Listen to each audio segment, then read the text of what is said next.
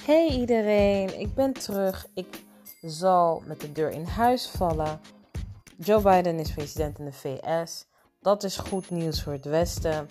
En vandaag kom ik uit met meteen vier episodes. En daarna ga ik het hebben over wat ik daar nou van vind.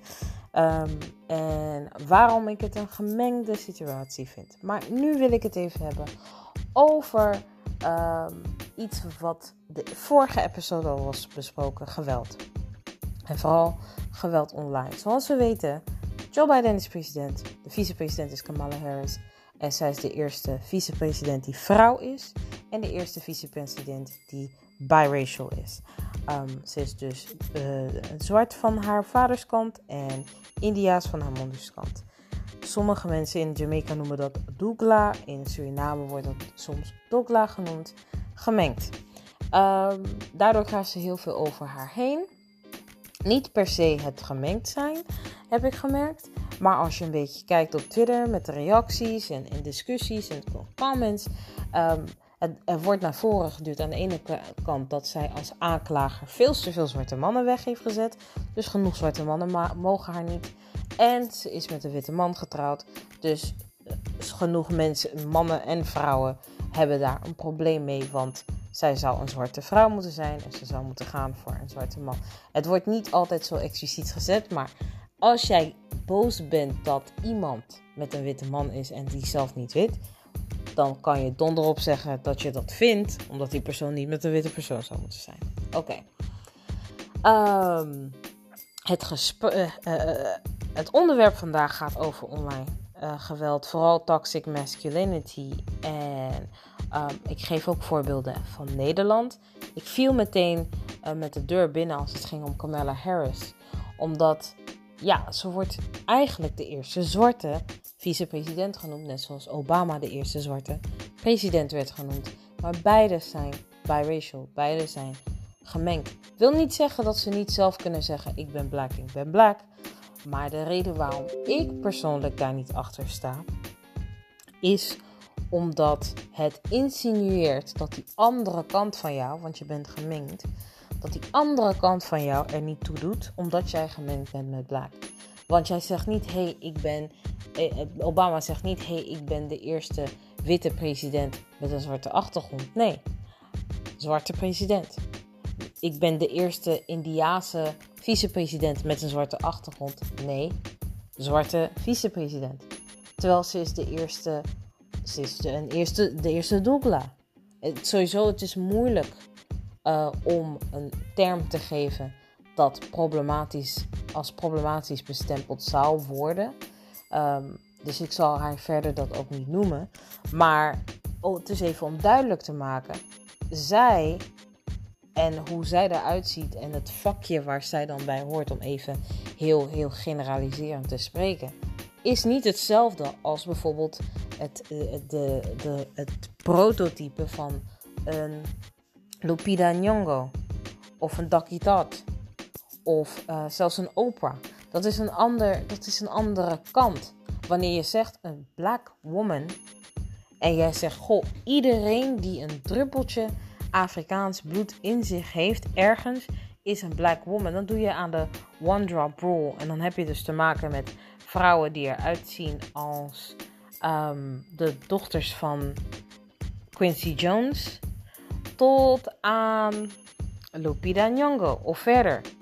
Um, dat, dat slaat in mijn ogen nergens op. Ik vind het helemaal niet erg om te zeggen dat iemand gemixt is. Ik zeg ook niet dat iemand gemixt is op een denigerende manier. Maar als het gaat om Kamala Harris, zie je dat er geweld naar haar toe komt omdat ze gemengd is met black. En toevallig in een, in een relatie zit met een witte persoon. En omdat ze veel mensen in de gevangenis heeft gezet via het proces als aanklager. Ehm, en de vraag is dan: goh, gaat dat dan eigenlijk om wie zij is? Of gaat het om het feit dat zij zoveel gemengd is met black, als dat zij een vrouw is en daardoor het makkelijker is voor de geweldplegers, de online geweldplegers, om het geweld te plegen? En dat brengt mij tot de volgende voorbeelden.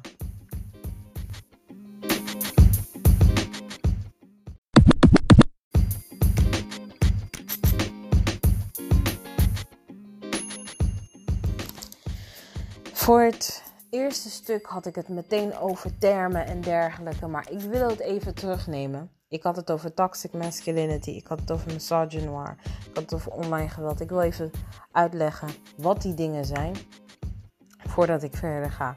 Toxic masculinity is een term dat voortkomt uit het feminisme, is een term dat uh, afbakent het gedrag van mannen um, die uh, dienen om die mannen een bepaalde positie te laten voelen en behouden. Dus een bepaalde macht, een bepaalde autoriteit.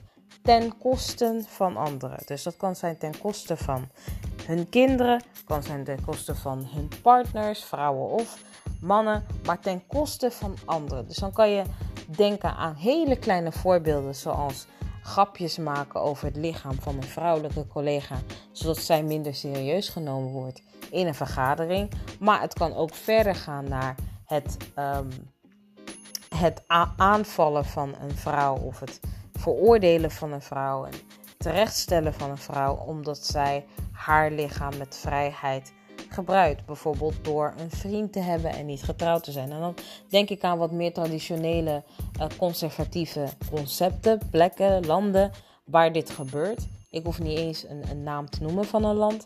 Maar jullie, de luisteraars, kunnen meteen denken aan voorbeelden um, waarbij mannen hun mannelijkheid gebruiken om een vrouw terecht te stellen, om, om, om hun kind door te verkopen.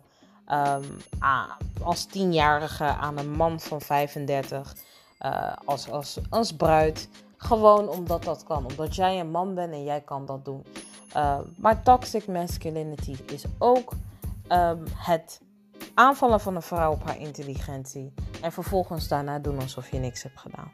Bijvoorbeeld dingen zeggen als: ben je dom of zo? niemand gaat van je houden. Kijk, uh, bla bla bla. Een vrouw hoort dit te doen en dat doe jij niet. En vervolgens als die vrouw zegt, nu ben je toxic bezig. Zeg van, wat heb ik gedaan dan? Ik heb niks gezegd, ik heb alleen mijn mening gegeven. Hè? Dat, dat, er zijn zoveel voorbeelden van toxic masculinity, maar het komt neer op het neerhalen van een ander om jouw idee van mannelijkheid intact te houden. En het kan ook giftig zijn andersom. Een vrouw kan ook op een giftige manier haar vrouwelijkheid intact proberen te houden, haar idee van vrouwelijkheid intact proberen te houden door anderen neer te halen. Dus dat is even toxic masculinity. Um, het verschil tussen de, de, vrouwelijke vorm en de mannelijke vorm is: mannen hebben een wereldwijd netwerk, een wereldwijd systeem uh, dat, dat patriarchy heet. Um, en uh, daar kunnen ze op leunen om dit soort tussen haakjes leuke dingen te doen. Dus de volgende waar ik het even wil, over wil hebben is.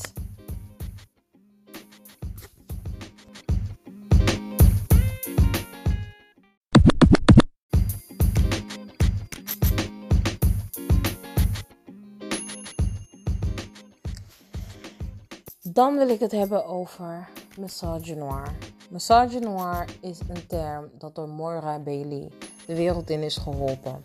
Um, ik zag het verschijnen bij de Gradient Lair, dat geschreven werd door Trudy. Dat is haar uh, nickname of haar, haar online pseudoniem.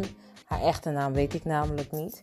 Um, en jaren geleden, dan hebben we het echt over meer dan vijf jaar geleden, schreef deze mevrouw uh, blogs. En zij uh, had het over misogynoir en gaf ook de link naar Moira Bailey's blog op dat moment. Om duidelijk te maken dat het de combinatie is van racisme op basis van huidskleur en seksisme op basis van uh, gender, op basis van geslacht, dat zwarte vrouwen tegelijkertijd meemaken. En sommige mensen die uh, hebben deze mevrouw ontzettend aangevallen online destijds.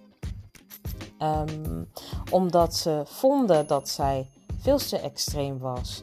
Uh, met praat kwam dat, dat, dat vrouwen, zwarte vrouwen, heel erg af sneed van de gemeenschap en hen afsneed van hun verantwoordelijkheden. En het is nog online, dus mijn tip is om echt even te zoeken naar de gradient layer. Um, ik zal zeker ook de link wel eh, delen op mijn Twitter. En het is heel interessant om te kijken naar, oké, wat, wat, wat zijn deze dingen dan? En um, wat zijn deze termen? En um, hoe kan ik mezelf verdedigen als ik in die situatie zit? Voor de duidelijkheid wil ik nog even duidelijk maken. Misogynoir is heel duidelijk de situatie waar je in zit als zwarte vrouw. Wanneer iemand je afwijst omdat jij zowel een trotse eigenares bent van een vagina en een trotse eigenares bent van de huidskleur die je hebt. De trots is niet wat aangevallen wordt, gewoon puur de huidskleur die aangevallen wordt.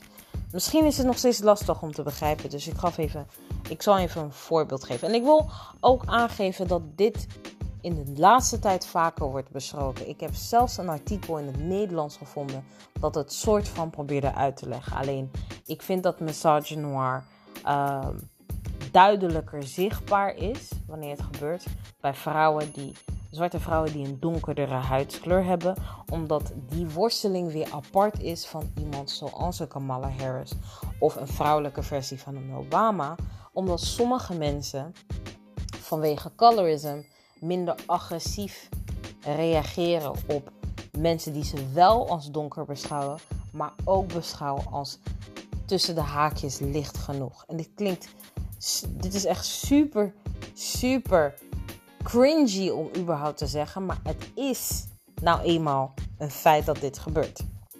En ik zal een paar voorbeelden geven, want dit komt terug bij wat bij Kamala Harris gebeurt. In de zin van, ja, je hebt een verschil tussen gemixt zijn en niet gemixt zijn, hele lichte kleuren hebben, medium bruin zijn, donkerbruin zijn. We hebben allemaal verschillende ervaringen met al deze beestjes, de, de, het racisme beestje, het colorism beestje, het misogynoir beestje. Maar wat belangrijk is bij misogynoir is dit is echt naar de zwarte vrouw toe. Dus dit is ook niet iets dat je zomaar kunt kopiëren en plakken op iemand die ik noem wel wat Turks of Marokkaans is en zeggen ja, zij is Turks. Uh, ze wordt gediscrimineerd omdat ze Turks is, maar ook vrouw. Nee, dit gaat om. Daarom zit het woordje noir en erin noir in het Frans is zwart. Het is misogyny, dat is seksisme. En dan noir is toegevoegd door Moira Bailey. Toegevoegd om duidelijk te maken van kijk, dit is een specifieke vorm van leed, een specifieke vorm van geweld, verbaal, wat dan ook. online kan dat dus ook. Dat echt specifiek is voor de zwarte vrouw. En hoe donkerder je bent, hoe agressiever het over kan komen. Want hoe donkerder je bent, hoe groter de kans dat er helemaal geen andere mengeling is in jouw bloed dan Afrikaanse achtergrond. En dat is waar de haat het meest gericht op, is, je Afrikaanse bloed. Oké.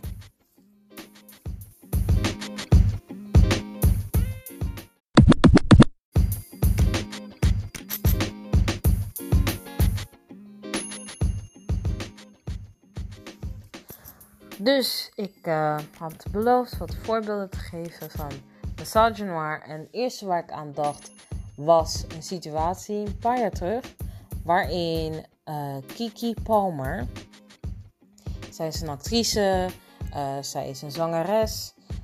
als je wanneer je haar gezicht ziet, zul je haar waarschijnlijk herkennen van Nickelodeon. En zij gaf een paar jaar geleden aan van... Hey, ik was in het huis van Trey Songs... En Trey Songs is van dat liedje Just Gotta Make It, Just Gotta Make It. Dat, nou, een klein stukje gezongen.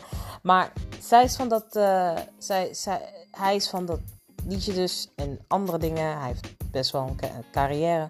En waar het op neerkwam is, zij voelde zich niet meer veilig in het huis. Ze voelde zich alsof ze gedwongen werd om uh, in zijn clip te zitten terwijl ze dat niet wilde. En ze voelde zich alsof zij uh, gedwongen werd om een, een, situatie in te gaan zonder bescherming van op zijn minst planning en weten wat haar te wachten stond. Uh, dus zij was in een, een kast gaan. Ze was zich in een kast gaan verstoppen.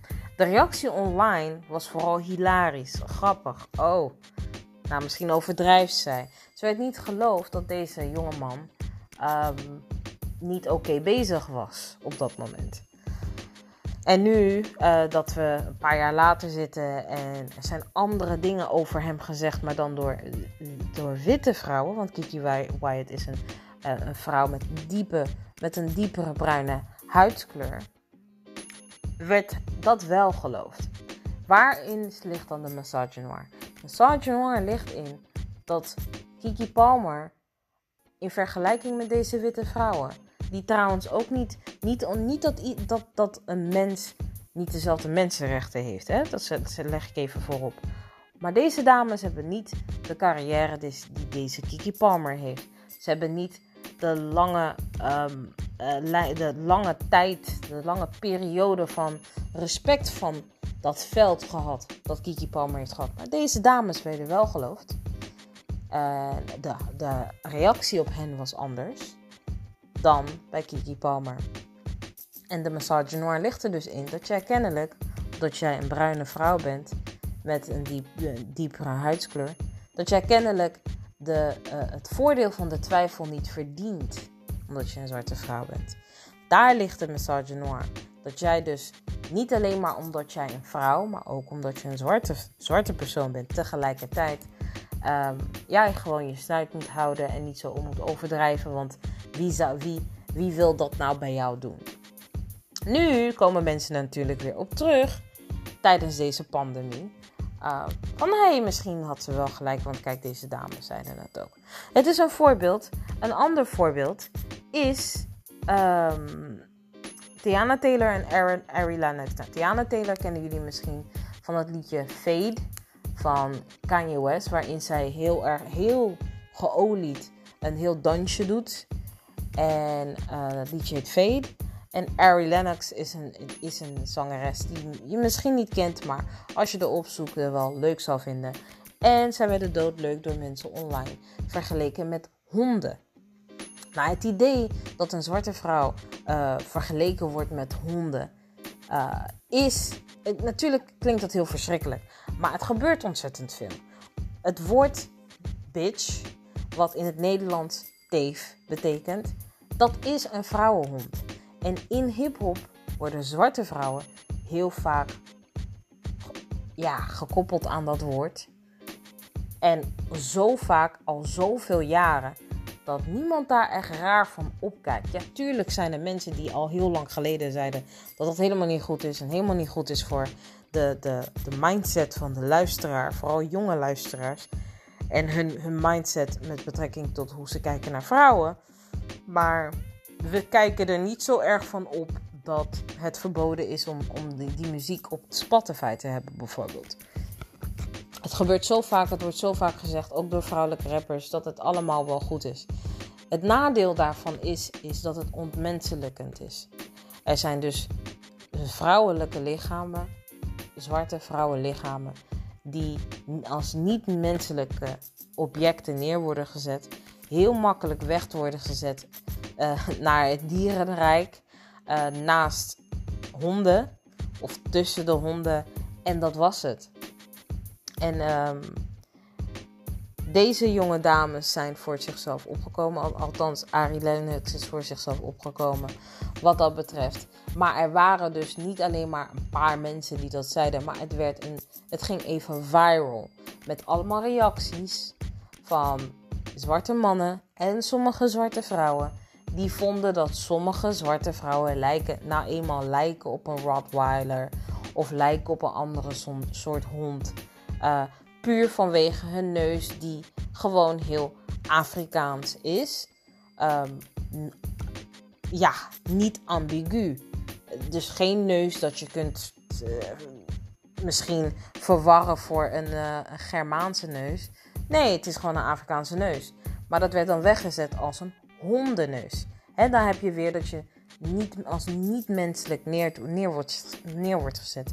Is ook weer een voorbeeld van misogynoir. Um, dan heb je nog de artiesten. Want ik had, het, ik had het net over vrouwen die het meemaken. We hebben Camilla Harris gehad, Kiki Palmer gehad, Tiana Taylor, Aaron, Ari Lennox. Maar je hebt ook artiesten die gewoon dingen zeggen. Dus je hebt bijvoorbeeld Lil Wayne, die een vorm van misogynoir had in zijn liedje A Millie. Waar hij het heeft over dat hij een miljoen hier krijgt en een, miljoen hier verdient allemaal. Als je er niet op let, lijkt het op een hyped nummer. Dat gaat over ja, hard werken en dan krijg je je geld. En als je goed op let, dan hoor je tougher than Nigerian hair. Wat betekent dat? Tougher than Nigerian, Nigerian hair. Uh, stugger dan Nigeriaans haar. Dus je geeft hier aan en je, hij heeft het over een vrouw op dat moment. Dus je weet, als hij het heeft over Nigerian hair, Nigeriaan, dan heeft hij het niet over een witte vrouw, een Aziatische vrouw. Hij heeft het daar op dat moment over een zwarte vrouw. Ja. En dan zegt hij tougher than Nigerian hair. Dan heeft hij het over dat dat haar heel stug en heel stroef is en heel moeilijk.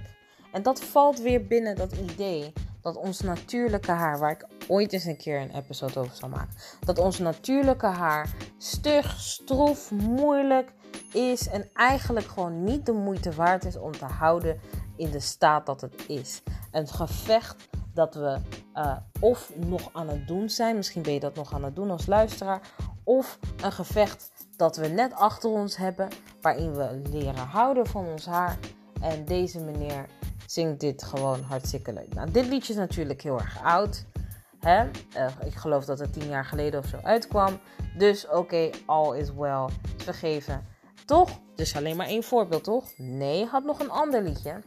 Waarin die aangaf dat er een zwarte vrouw was. But she would look better red. En dat liedje was uh, Right Above It. En tot samen met Drake. Die ook wordt neerge soms neer wordt gezegd als iemand die die in ieder geval altijd ergens wel respect heeft en zo. En uh, niets, niets is minder waar trouwens.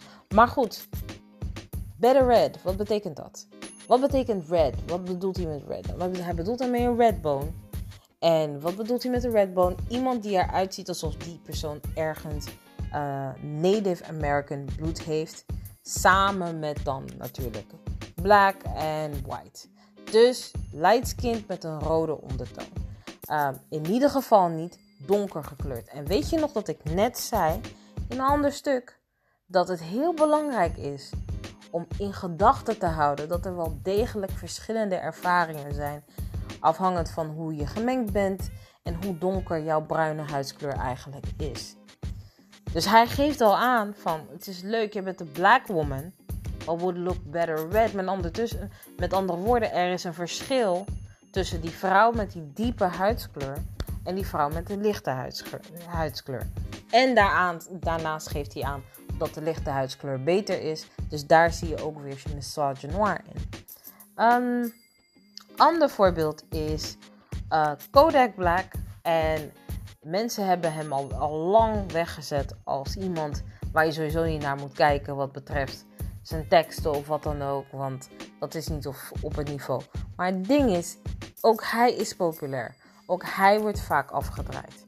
Kodak Black van Cardi B, dat zo'n gigantische hit, was, was, uh, was gebaseerd op een liedje van hem. Dus hij is wel degelijk iemand met invloed in die wereld. En hij is wel degelijk wel iemand die je als voorbeeld kan nemen van wat er nou werkelijk uh, constant en constant en constant af wordt gespeeld. En hij gaf aan Um, ik heb, I don't need no dark B, I'm already dark. Wat hij daarmee bedoelt, hij is zelf een diepe bruine huidskleur. Dus hij heeft niet iemand nodig met een diepe, huid, diepe huidskleur. En hij noemt haar een B. Een, een bitch. Een teef. Weer een vrouwtjeshond. Oké? En dit wordt afgedraaid en afgedraaid. Oké, dan heb ik nog een laatste voorbeeld van een liedje. En dat is EO.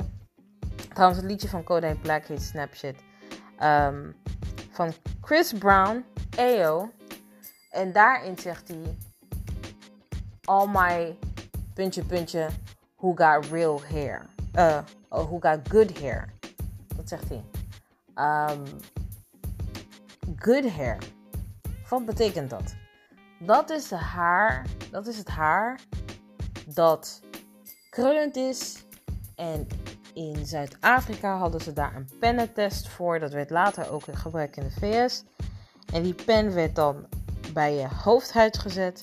En als dat zonder problemen weer naar beneden kon en bij je puntjes eruit, dan was je haar goed genoeg. Dat is dus geen haar dat tussen de haakjes tougher than Nigerian hair is. Dat is geen type 4 haar. Dat is waarschijnlijk ook geen type 3 haar. Misschien is het een type 3A haar. Dat zou nog kunnen. Um, dat zou zeker nog kunnen als het uitgekamd is. Maar ik denk dat een 3C al too much zal zijn. Met andere woorden, dat is haar dat je niet verwacht. Ik zeg niet verwacht omdat mensen heel snel kunnen zeggen: ja, maar mensen, er zijn mensen in Afrika die nooit in Europa zijn geweest, nooit gemixt zijn. En die hebben ook krullend haar waar die pen doorheen kan. Prima. Prima. Maar de verwachting bij een donkergekleurde vrouw, een vrouw met een diepbruine huid, is niet dat jij haar hebt van nature waar zo'n pen doorheen kan zonder problemen, zonder dat je het haar hebt gemanipuleerd. Met andere woorden, de bedoeling met, met, die, met, met, met die regel of met dat zinnetje, all my girls who got good hair, is, ja, wat denk je zelf? Wat voor vrouwen zijn dat waar hij het over heeft? Want hij zegt ze mogen allemaal komen. Die dames met dat haar mogen allemaal komen. Ja? En dat liedje is trouwens met Taiga. En Taiga, ja, hij zegt niet girls trouwens. Hij zegt natuurlijk weer bitches. Um, dus de, ook die, die lichtgekleurde vrouw, en daar gaat het natuurlijk ook. Ook, ook die lichtgekleurde vrouw, die um, um, dat haar heeft, dat zogenaamd good is, die is ook niet veilig. Zij heeft ook last van de ontmenselijking. Alleen op dit moment wordt ze wel gepromoot.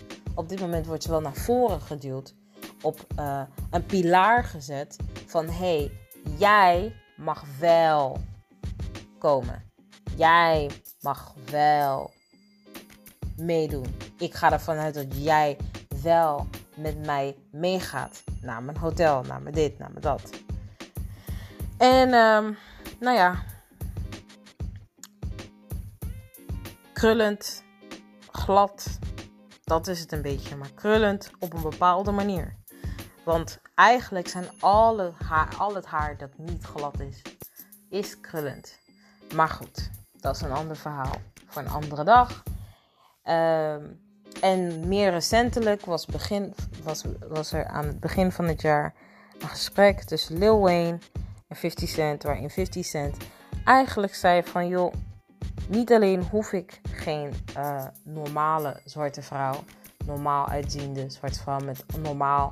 Um, kwam het neer op donker, want wat hij beschreef als wat exotisch was, wat hij wel wilt, is totaal niet donker. En um, ja, hoe hij het daarover had, had het over vrouwen die zich dan afvragen of hem gewoon confronteren online of whatever. Uh, met het feit dat hij met deze, met, met een witte vrouw of met een, een, vrouw die door kan gaan als een witte vrouw, een Latina, hele lichte vrouw, een relatie heeft of, gezien is. Waarom ben jij met zo'n persoon? Waarom doe jij dat altijd? En zijn antwoord daarop is best agressief en best um, ik zou zeggen, niet alleen agressief, maar afwijzend. En ja, afwijzend en een beetje snerend. Hij, was, hij, hij benoemde een naam voor deze vrouwen dat best denigerend was zonder ze uit te schelden. Dus ik denk dat de netste manier zou zijn van: hey idioot, ga, hey zwarte idioot, ga jij maar weg, ga jij maar weg. En deze man heeft al een, een historie van genoeg massage noir. We kennen natuurlijk de serie Power, waar hij achter zat als producer, wat nu geëindigd is. En hoe hij is omgegaan met de dame die Tasha speelt, Natori Norton. Um, zij heeft een diepe, donkere, prachtige bruine huidskleur. En hij vond het nodig om een meme te maken van haar. Foto's en haar belachelijk te maken. Terwijl dit is iemand die in de cast zit van jouw serie. Iemand die een actrice is in een serie waar jij achter zit. Dus dat is net zoals een collega publiekelijk zwart maken, terwijl iedereen weet dat jullie samenwerken en ook waar jullie samenwerken. Het slaat helemaal nergens op. Het is alsof je jezelf liever in de vingers snijdt dan die donkere vrouw respect te geven. En dan ziet de haat echt diep. En dit is dan uh, zwarte man op zwarte vrouw geweld. Maar je hebt ook natuurlijk witte man op zwarte vrouw geweld. Er was ooit een man, Aziatische man, die aangaf in, in pseudo-wetenschappelijk onderzoek, zal ik dat nu even noemen, dat de zwarte vrouw de minst begeerlijke vrouw is ter wereld. Kijk, en, en hij dat kon bewijzen met, met afmetingen in het gezicht en noem maar op.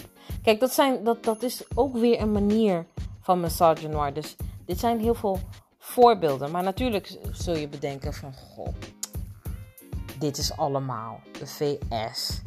Zo erg is het toch allemaal niet in Nederland? Nou, je zult je verbazen.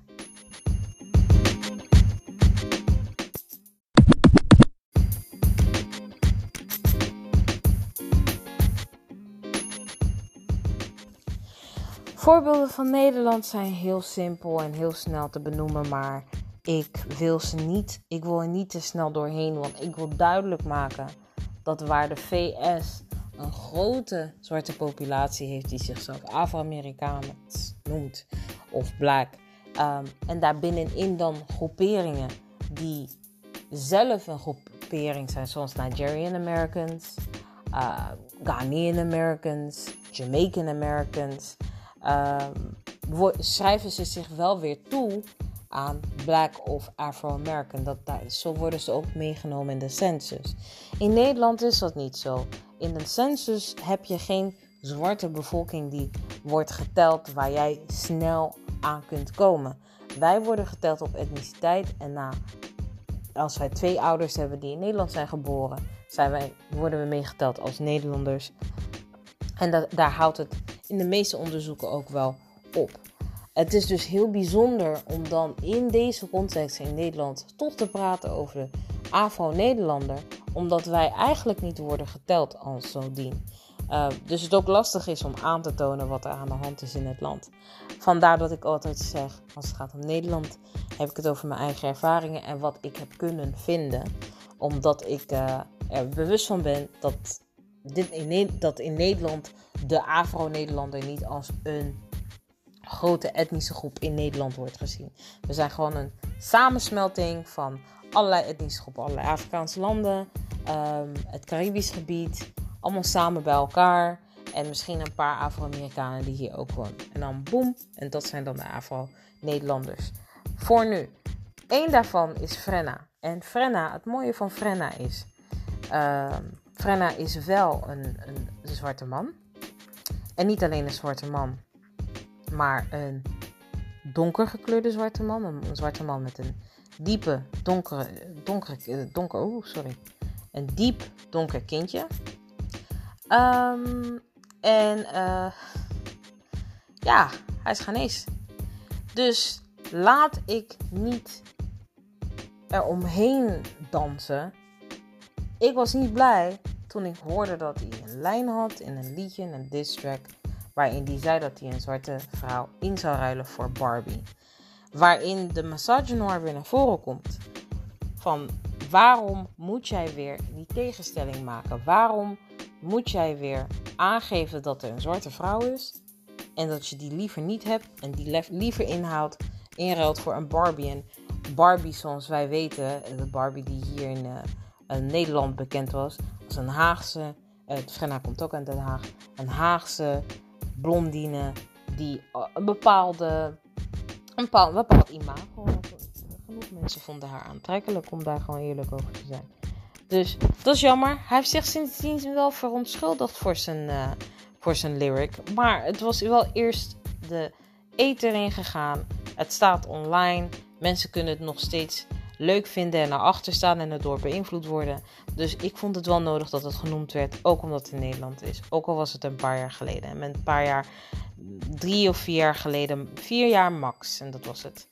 Oké, dan heb je uh, Sylvana Simmons. Waarom noem ik Sylvana Simmons? Omdat, ja, ik heb toch heel, ik heb één politiek voorbeeld gegeven in de VS.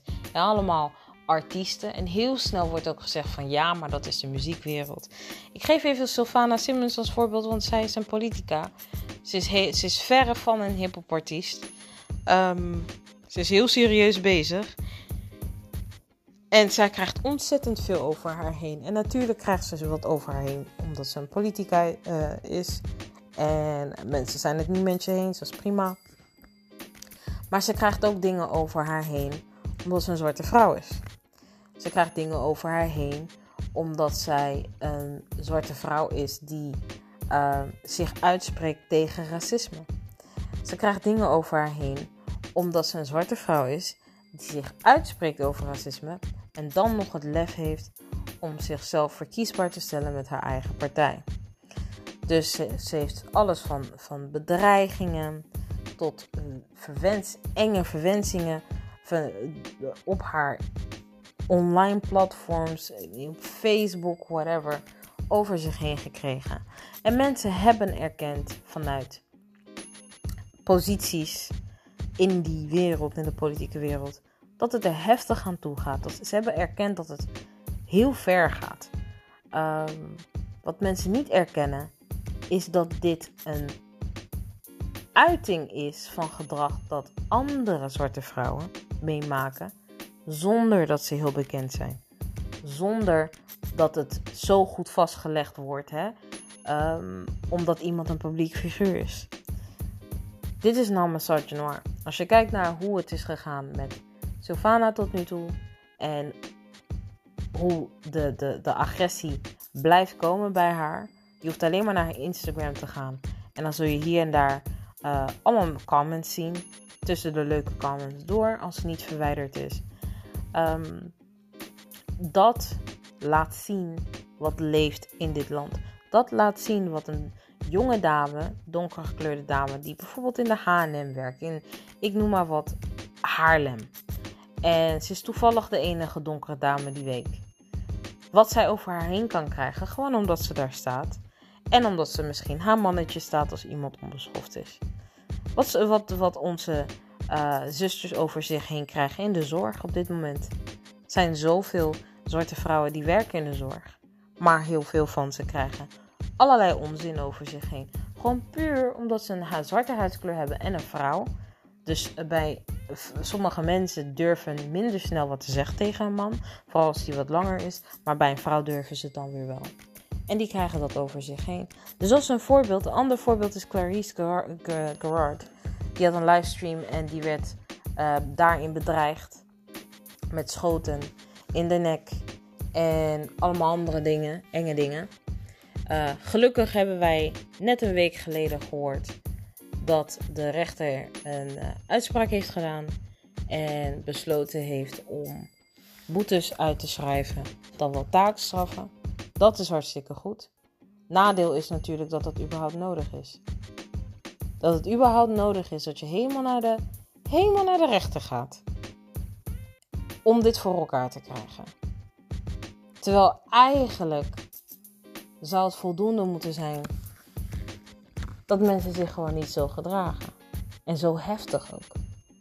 Terwijl het gaat om racisme. Het gaat om iets willen voor de mensheid.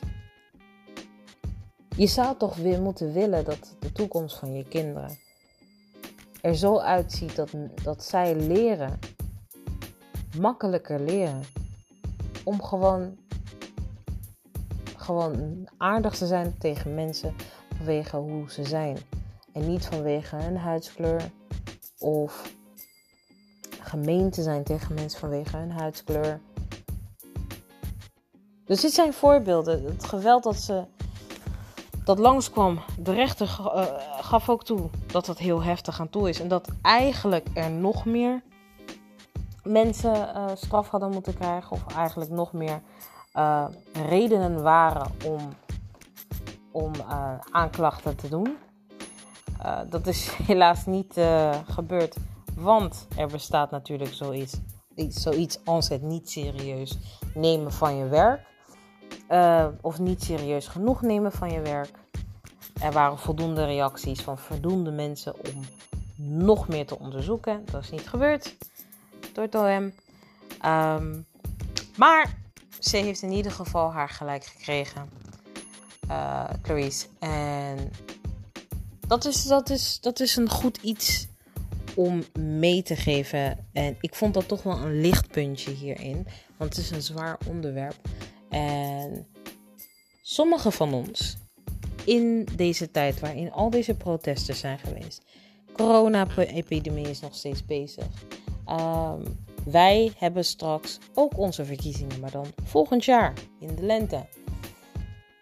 Er zijn discussies geweest online en sommige van ons zwarte vrouwen mengen zich in deze discussies. En ik wil duidelijk maken: het geweld, de message noir, kan komen van een man, maar ook een vrouw. Het kan komen van zwarte mensen, maar ook niet zwarte mensen, want je bent een zwarte vrouw. En als ze dat kunnen zien op een foto, dan is dat al reden genoeg om je aan te vallen. Want jij staat voor een groep mensen die sommige mensen zien als rijp voor de aanval. Rijp om aan te vallen. Van de perfecte prooi. En daarom wil ik het ook hebben over oplossingen. Uh, voordat ik het heb over oplossingen, wil ik het hebben over uh, bondgenoten. Allies, bondgenoten. Jouw bondgenoten zijn niet per se mensen die eruit zien als soortgenoten. Soortgenoten zijn niet altijd bondgenoten. Je kan een andere soort vrouw zien die eruit ziet zoals jij. En jij denkt, zij zal, zij zal beamen wat ik zeg. Als ik zeg dat dit fout is, zal zij ook zeggen, ja, dat vind ik ook. En het kan zijn dat zij er gewoon laat vallen. Want mensen hebben altijd hun eigen belangen. En als jij eruit ziet als de perfecte prooi, kunnen je er ook voor kiezen om die prooi gewoon te zijn, zodat het zo snel mogelijk voorbij is. Je kunt er ook voor kiezen om jezelf niet als prooi te zien en een strategie achterna gaan waarbij, het, waarbij je niet andere mensen zult helpen. En dat soort mensen zijn misschien soortgenoten in de zin van jullie zien allebei hetzelfde uit. En voor het oog van degene die wil aanvallen, zijn jullie ook hetzelfde. Maar als het gaat om wat er bereikt moet worden, doen jullie niet hetzelfde. Dus dat is, dat is heel belangrijk. Zorg ervoor dat in wat voor situatie dan je ook zit. School, werken, uh, een familie die multiculti is, waar, waarin dit gebeurt. Um, gewoon in het openbaar. Uh, andere processen die, die je doorloopt. Als je dit meemaakt, weet wie je bondgenoten weet. Dus zijn, en ga er niet vanuit dat je soortgenoten je bondgenoten zijn. Niet-soortgenoten kunnen ook je bondgenoten zijn. Let daar heel goed op. Oké. Ehm, voorbeeld. Als je ergens werkt en je ziet daar één, twee andere zwarte mensen daar werken en de rest is wit, ga er niet vanuit dat die zwarte mensen die daar al werken, dat zij een poot uit zullen steken wanneer jij dit meemaakt. Het kan zijn dat zij daar zo lang werken omdat zij nooit er wat aan doen en het gewoon over zich heen laten komen. Dus ga ervan uit dat die mensen je niet zullen helpen. In de zin van gedraag je gewoon normaal. Ga niet extra uh, aardig zijn omdat je denkt dat zij aan jouw kant staan of zo. Maar observeer mensen. Observeer mensen. Lees de kantoorjungle. Observeer mensen. En zorg ervoor dat je erachter komt met wie je te maken hebt. Zodat wanneer er een conflict is, of het nou passief-agressief conflict is of een heel agressief conflict. Passief-agressief zou bijvoorbeeld zijn dat iemand, dat een collega um, jouw e-mail verbetert en naar jou terug, terugstuurt. Van uh, ik, heb, um, ik heb altijd goede cijfers gehad in Nederland, dus ik dacht ik kijk even naar je mail. Dat is passief-agressief. Ag ag agressief is dat iemand gewoon grapjes gaat maken over Tougher Than Nigerian Hair bijvoorbeeld.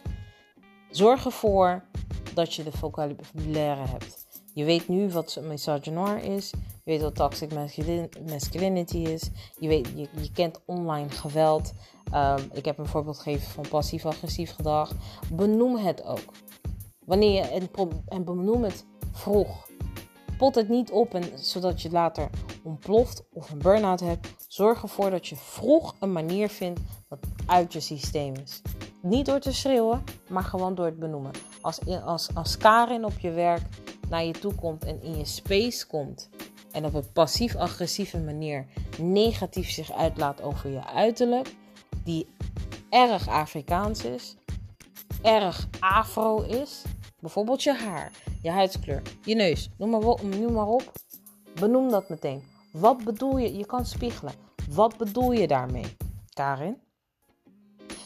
Hoezo is mijn neus niet een traditionele neus, maar toch een neus die er ook wel mag wezen? Karin. Ik noem maar een voorbeeld, hè. Niemand heeft dit ooit gezegd tegen mij. En over mijn neus. Op mijn werk of op school. Ehm, maar ik ben wel aangesproken op andere dingen. En ik ging er niet altijd op deze manier mee om. Ik heb opgepot. Dat heeft niet voor mij gewerkt. Ik heb het genegeerd. En dat heeft niet voor mij gewerkt. En dat heeft eigenlijk voor niemand gewerkt. Maar wat wel werkt, is dat je het weet af te kaatsen. Dat je een manier vindt dat deze mensen vroeg weten dat dit niet de manier is om met je om te gaan. En dat kun je bijvoorbeeld doen in deze cultuur door een kamertje in te gaan met je collega en die collega op een rustige, maar vastberaden toon te laten weten waar je grens uh, is en dat je de volgende keer een klacht in zult dienen. Oké, dan hebben we nog het feit dat, dat sommige van onze luisteraars dit al, allemaal hebben meegemaakt. Je hebt al een pot die vol zit.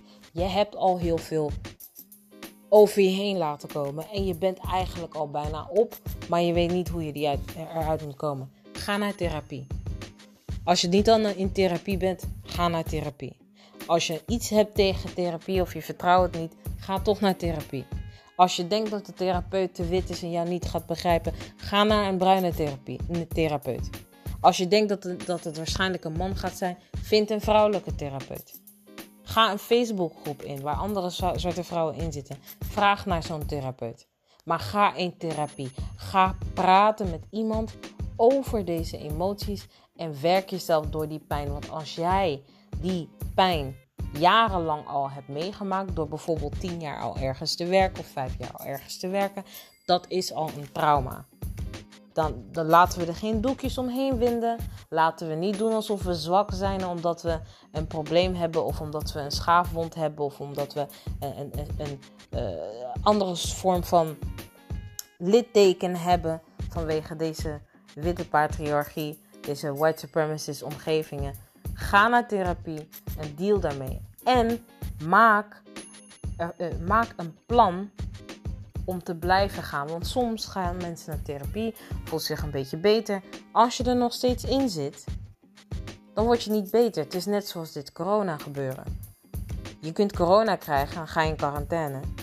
Ben je weer beter, maar je bent alleen immuun voor zes maanden. Als je het niet serieus neemt, ben je na die zes maanden, neem je, eh, krijg je het weer.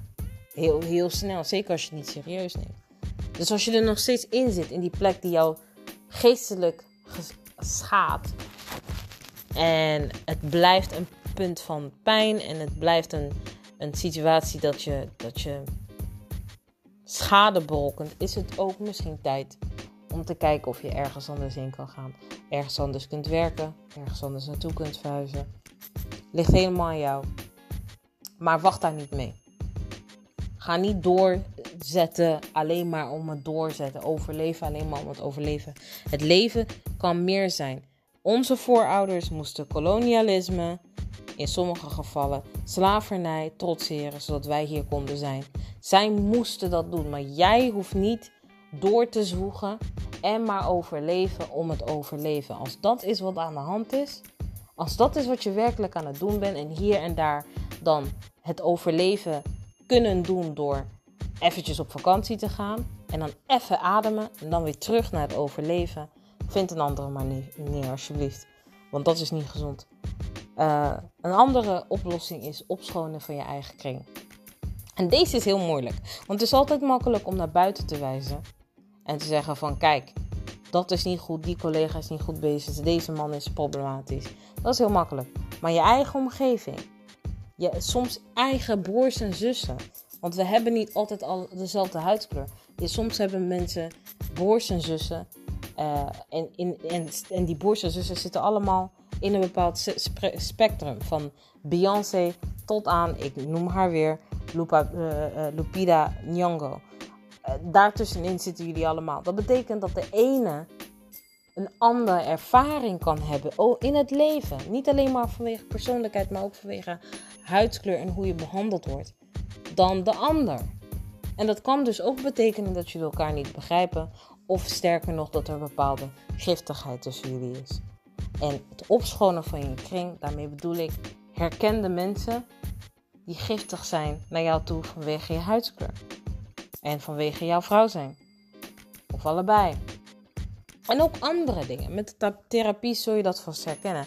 Maar herken wie giftig is en maak je besluit. Ga jij proberen om de, de relatie te helen? Of is het al, gaat het al te ver voor jouw gevoel? Of heb je nu de energie niet? Dan moet je even afstand nemen. Want het gaat niet lukken om de energie niet te hebben om eraan te werken, maar wel veranderingen te verwachten. Veranderingen komen niet van stilstaan, ze komen van beweging. Dus dat, dat, is, dat is heel belangrijk. Dat is opschonen van je eigen kring. Heel erg belangrijk. En de therapie gaat je daarbij helpen. Dan investeren in jezelf. En dan heb ik het weer over vocabulaire. Als je dat nog niet hebt, leer hoe te verbaliseren wat er met je aan de hand is. En lezen kan je heel erg helpen. Je hebt Moira Bailey en de Gradient Layer al gehoord. Zij verwijzen naar schrijvers in hun werken online. Dus daarmee kom je al heel erg ver. Bellhooks wordt altijd genoemd. Ehm, maar zorg er vooral voor dat je investeert in jezelf als het gaat om self-care. Zorg ervoor dat het stressniveau dat in je leven zit, dat het omlaag gaat. Want het helen van jezelf is moeilijker met hoge niveaus van stress. Is gewoon moeilijker. Het is gewoon moeilijker om af te vallen als je stress hebt. Het is moeilijker om je zaakjes op orde te hebben en te houden als je stress hebt. Het is moeilijker om aardig en lief te zijn tegen de kleine mensjes en wezentjes in je leven als je stress hebt. Het is moeilijker om de mensen waarvan je houdt behoorlijk aandacht te geven als je stress hebt. En het is moeilijker om je visie en je, je doel in je leven voor ogen te blijven houden als je stress hebt. Zeker als je stress terugkomend is en er lijkt geen einde aan te komen. Dus als dat jouw situatie is, werk daar alsjeblieft aan. Um, dan heb een plan van aanpak voor, de toekomst, dat zei ik al. Eerder, daarmee bedoel ik ook dat als jij weg wil uit deze plaats vanwege racisme, vanwege uh, de white beauty myth, dat is ook een term, die zal ik even toelichten. Dat is de, de mythe dat, dat uh, de um, schoonheid ligt in West-Europese schoonheidsidealen. Dus blond haar, blauwe ogen, smalle heupen, uh, kleine, kleine borstomvang, kleine heupomvang, uh, een plattere achterwerk, hè? Dunne benen, dunne armen en een, een bleke, bleke huid. En wat variaties daarvan, donkerblond, uh, bruine wenkbrauwen en blond haar bruine ogen, noem maar op. Maar niet wat jij en ik zijn. Niet de zwarte vrouw. En dat noemen ze de white beauty myth. De mythe dat dat de enige manier is dat schoonheid echt bestaat en de rest bestaat niet. Ja, als jij dat niet meer om je heen wil hebben, als je daarvan weg wil, gaan, dan ga je dat niet vinden in Ibiza, dan ga je dat niet vinden in, in Madrid. Wees eerlijk over, daarover. Als je ergens heen wil gaan waar dat niet meer de norm is, dan betekent dat dat je niet meer in het Westen wil zijn. Dan als je niet meer in het Westen wil zijn, dan betekent dat dat je misschien geen paradijs vindt daarin, maar wel een andere cultuur en ook een ander continent, een ander weer, ander eten, andere regels en uh, een andere manier van leven misschien. Dus ik zeg dit omdat ik zeg dit ook omdat voor corona ik onderdeel ben geweest van gesprekken met vrouwen waarin het een cirkel werd. Ik wil dit niet, ik wil dat niet, ik wil zus niet, ik wil zo niet. Wat allemaal westers is. Maar ik wil wel dus de westerse comfort. Dat is heel moeilijk. Niet onmogelijk, maar heel moeilijk.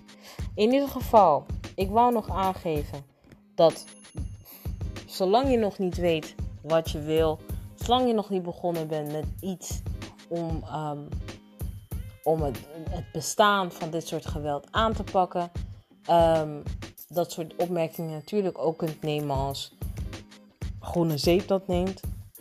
Wat bedoel ik met groene zeep? Als jij jezelf insmeert met groene zeep, dan glijdt het water zo van je af. Dus je kunt het ook zo opmerken, maar geloof mij, als het raken opmerkingen zijn over jouw afro-achtergrond, dan doet dat uiteindelijk wel wat met je. Zeker als het regelmatig gebeurt van verschillende kanten en op verschillende manieren van agressie. Daarnaast, last but not least, upgrade je smaak in liefde en in vriendschap. Wat bedoel ik daarmee? Ik zal een episode hierover maken. Heel erg snel. Maar wat bedoel ik daarmee? Is als je merkt dat je vrienden nog een bepaald niveau van schiftigheid in stand houden. Als je merkt dat de mensen waarop jij valt een bepaald niveau van giftigheid terugbrengen. Maakt niet uit wie je deed, maakt niet uit waar. Het is altijd een bepaald type dat niet goed voor je is. Is het belangrijk om te noteren voor jezelf wat het is dat je wel wil. Dus wat is hier giftig aan en wat wil ik dan wel? Schrijf niet op wat je niet wil, schrijf op wat je wel wil. En als je het niet weet, zoek dat, zoek, zoek dat uit totdat je een antwoord daarop hebt. Als het gaat om hoe iemand met jou omgaat, hoe iemand met het leven omgaat. Misschien hoe iemand omgaat met zijn familie, hoe iemand omgaat met personeel in een restaurant. Noem maar op. Geld, uh, religies. Schrijf, schrijf op wat je wil. Schrijf op wat je wil. En, en, schrijf wel op wat het nu is. Wat je dus telkens meemaakt. Wat, wat, wat terugkomend is. Wat je niet wil. Maar schrijf daarna op wat je wel wil. En zorg ervoor dat wat jij wel wil een langere lijst is dan wat jij niet wil. Want wat jij wel wil, dat is ook wat jij gaat matchen. Als je daaraan gaat werken. Aan jezelf gaat werken. Jij gaat matchen wat jij wil uit het leven. In je gedrag, in hoe je voor jezelf zorgt. De het bad dat je neemt, de scrubs, de maskers die je opdoet, de, affirmations in de affirmaties in de ochtend, de, de, uh, de lollies die je eens in de zoveel keer haalt omdat je dat lekker vindt, de uh, vegan, vegan eten dat je, dat je zult maken, omdat je voor jezelf zorgt, de wandeling die je maakt, alles wat je doet, zul je doen om de kwaliteit van leven te matchen dat je eigenlijk wil. Het, het, gaat allemaal om een visie hebben van dingen die je wil hebben, die je nog niet hebt. Nou, ik heb lang genoeg, lang genoeg gesproken tijdens deze episode. Ik uh, dank je voor het luisteren als je nu nog bent blijven hangen. Tweet als je nog wat comments hebt. En de volgende episode komt hier vlak achter. Doei!